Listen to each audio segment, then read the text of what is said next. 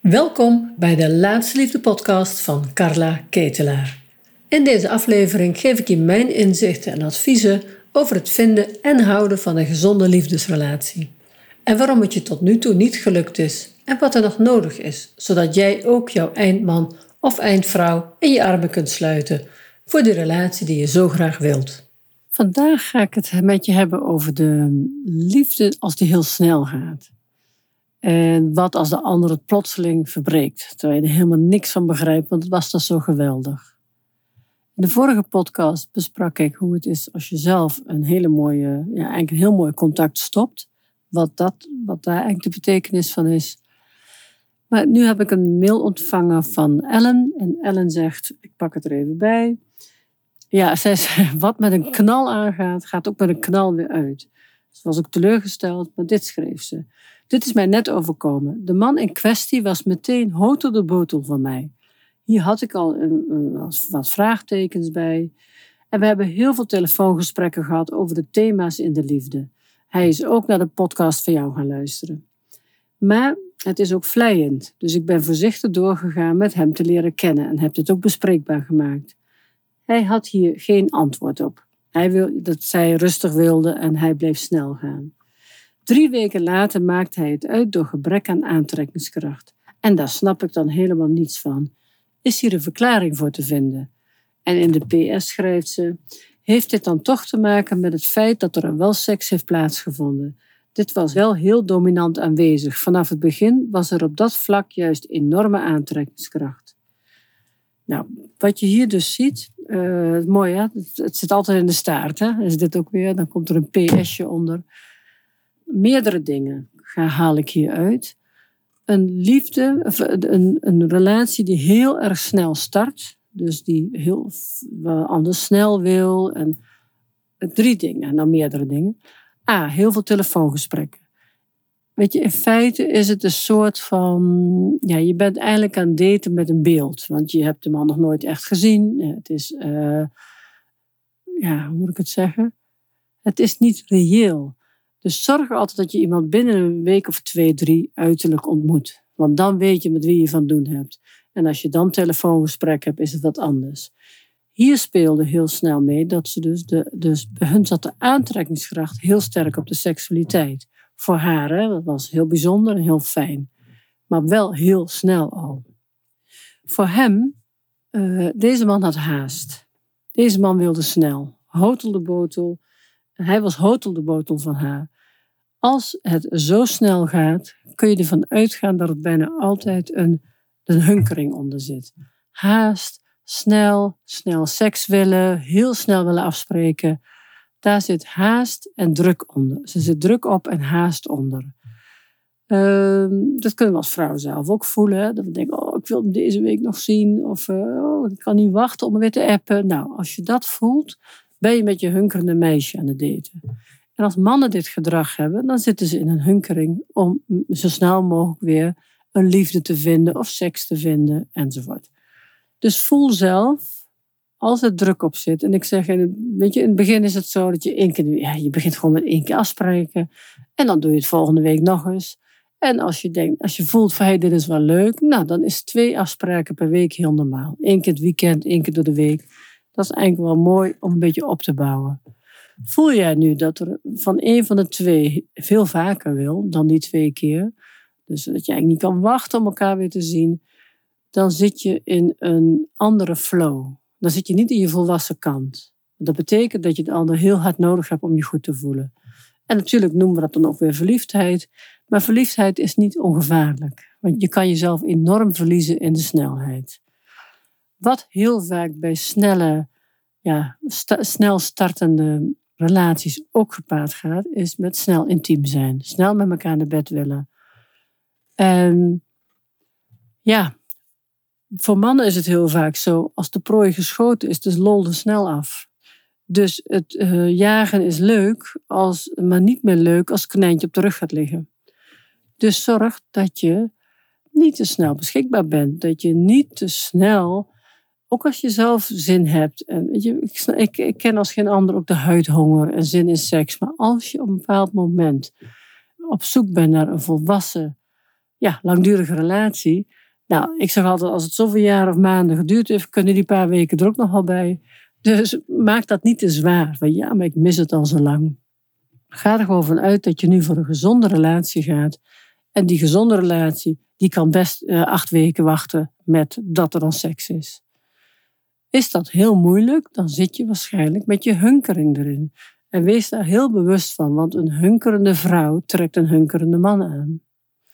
Dus op het moment dat jij rust voelt, zit je hoogstwaarschijnlijk in je volwassen kant.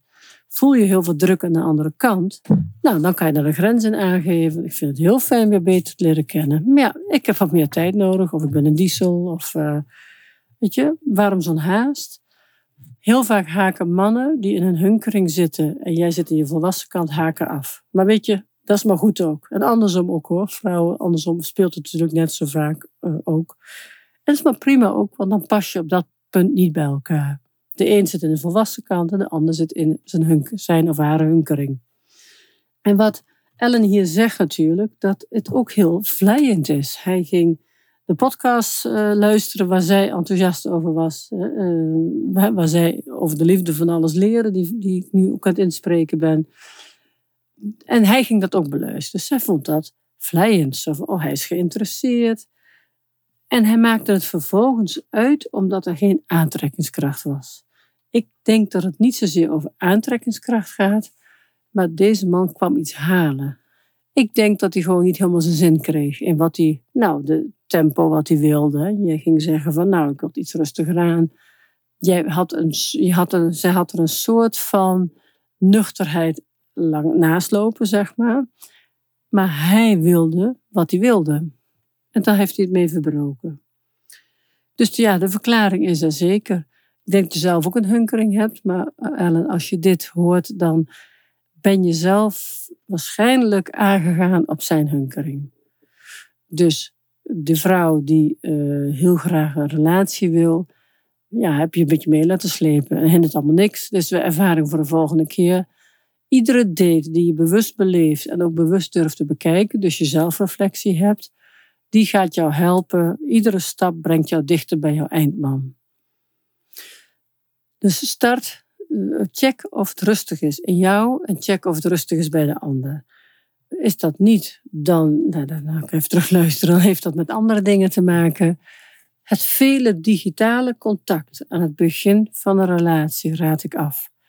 Ga in de eerste weken vooral voor de live, live ontmoetingen. Je leert iemand het beste kennen in het echt. Dus als je een, weet je, en je kan tussendoor een appje sturen, maar ga ook niet uitgebreid appen over gevoelens. Het is allemaal verwarrend, het is allemaal, ja, het is een beetje een gebakken luchtwereld. Want we zijn niet digitaal, we zijn mensen van vlees en bloed. En zeker in de liefde hebben we dat nodig om elkaar te leren kennen. Wat hier bij Ellen speelde, is dat zij zei: Ik wil voorzichtig doorgaan met het leren kennen. Dus zij ging eigenlijk in haar volwassen stuk. En hij verbrak het toen. Wat rustig aandoen betekende waarschijnlijk ook iets minder seks. En ik denk dat deze man heel erg in zijn hunkering zat. Dus dit is mogelijk. En wat ook mogelijk is, ik moest even denken wat, wat ik nou meer wilde vertellen.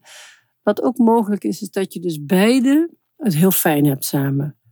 Dat je het echt leuk hebt samen en dat je graag wil onderzoeken, maar dat je te intens bent samen. Dus dat je altijd als je samen bent een diepe gesprekken wilt hebben of dat je gewoon diepe gesprekken hebt. Dat de tijd die je samen bent ook iedere keer socialiseren is. Als je elkaar iets beter leert kennen, dan ben je ook eens een weekend samen of je, je doet dingen samen.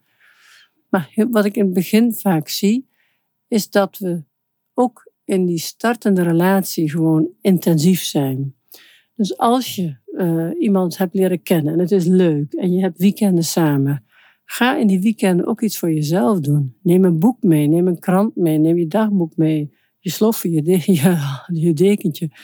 Ga een half uurtje iets voor jezelf doen. Of hè, als de ander heel graag veel binnen zegt, ik geef, een, ik geef een blokje om, ik ben een half uurtje terug. Doe dingen die je in je normale leven ook doet. Want als je in het begin, vanuit een, hè, je bent altijd wel een tijdje alleen, vanuit alleenstaande stand, heel intensief samen bent, dan kun je je zomaar verbranden aan elkaar. Dan eh, hoe vaak ik niet een berichtje krijg dat iemand zegt: Ja, maar het is, ik was zo moe na die tijd. Het is zo intens. Ik heb het uitgemaakt. Maar dat is nou zo jammer, want het gaat er eigenlijk om dat je van de alleenstaande stand naar de tweegaande stand gaat. En dat vraagt een soort beleid, dat vraagt wat inzicht. Het is niet zo dat je van uh, heel veel alleen zijn in één keer zomaar makkelijk altijd samen kan zijn en moet socialiseren en alles delen. Dat ben je gewoon niet gewend. Ook dat, dat moet je langzaam inritsen. En dat doe je door in de momenten dat je samen bent ook een moment voor jezelf te nemen. Want in een gezonde relatie zijn we ook onze eigen authentieke zelf. En dan lees ik graag de krant en dan schrijf ik graag wat op. En dan is het niet zo dat als ik twee dagen bij mijn partner ben, dat ik er helemaal niks van doe. Want ik raak mezelf een beetje kwijt. We blijven goed bij onszelf en we voelen ons meestal heel goed bij onszelf als we een aantal dingen kunnen doen die we ook doen als we alleen zijn. Dus hou dat in stand en zorg dat het niet gebeurt dat je je verbrandt aan elkaar. Dat het contact zo intens is dat je niet anders kunt dan niet meer samen zijn. Nou, wat zijn nou praktische dingen? Als je echt een pratend stel bent en je wordt er ook moe van en je vindt het intensief, ga lekker samen film kijken. Dus dan ben je wel samen, maar je bent niet continu met elkaar bezig. Of neem je laptop mee, ga wat dingen doen op je laptop uh, en hij leest de krant. Je bent wel samen, maar je bent niet heel tijd met elkaar bezig. Uh, ga om de beurt koken. Uh, de een gaat boodschappen doen, de ander gaat koken. Je bent samen bezig met het eten, maar niet constant, met elkaar bezig. Als je iedere keer terug kan naar, hé, hey, en wat heb, waar heb ik even behoefte aan? Hou je het gezond en kan een beginnende relatie zich heel mooi ontwikkelen. Voel jij je aangesproken als daadkrachtige ondernemende vrouw? Herken je erin dat het lijkt alsof je extra obstakels tegenkomt in de liefde, terwijl de rest in je leven je prima afgaat? Nou, dat klopt dus. Er zijn wetenschappelijke onderzoeken die dit bevestigen. Laat jij je hierdoor niet meer afschrikken en weet jij heel zeker dat je die liefdesrelatie wilt? En wil je niet langer wachten op die ontbrekende schakel in jouw leven? Dan is het de mogelijkheid dat ik je één op één ondersteun. Dit is echter niet voor iedereen. Stuur me daarom een mailtje naar support het laatste liefde. Dan kom ik graag met je in contact.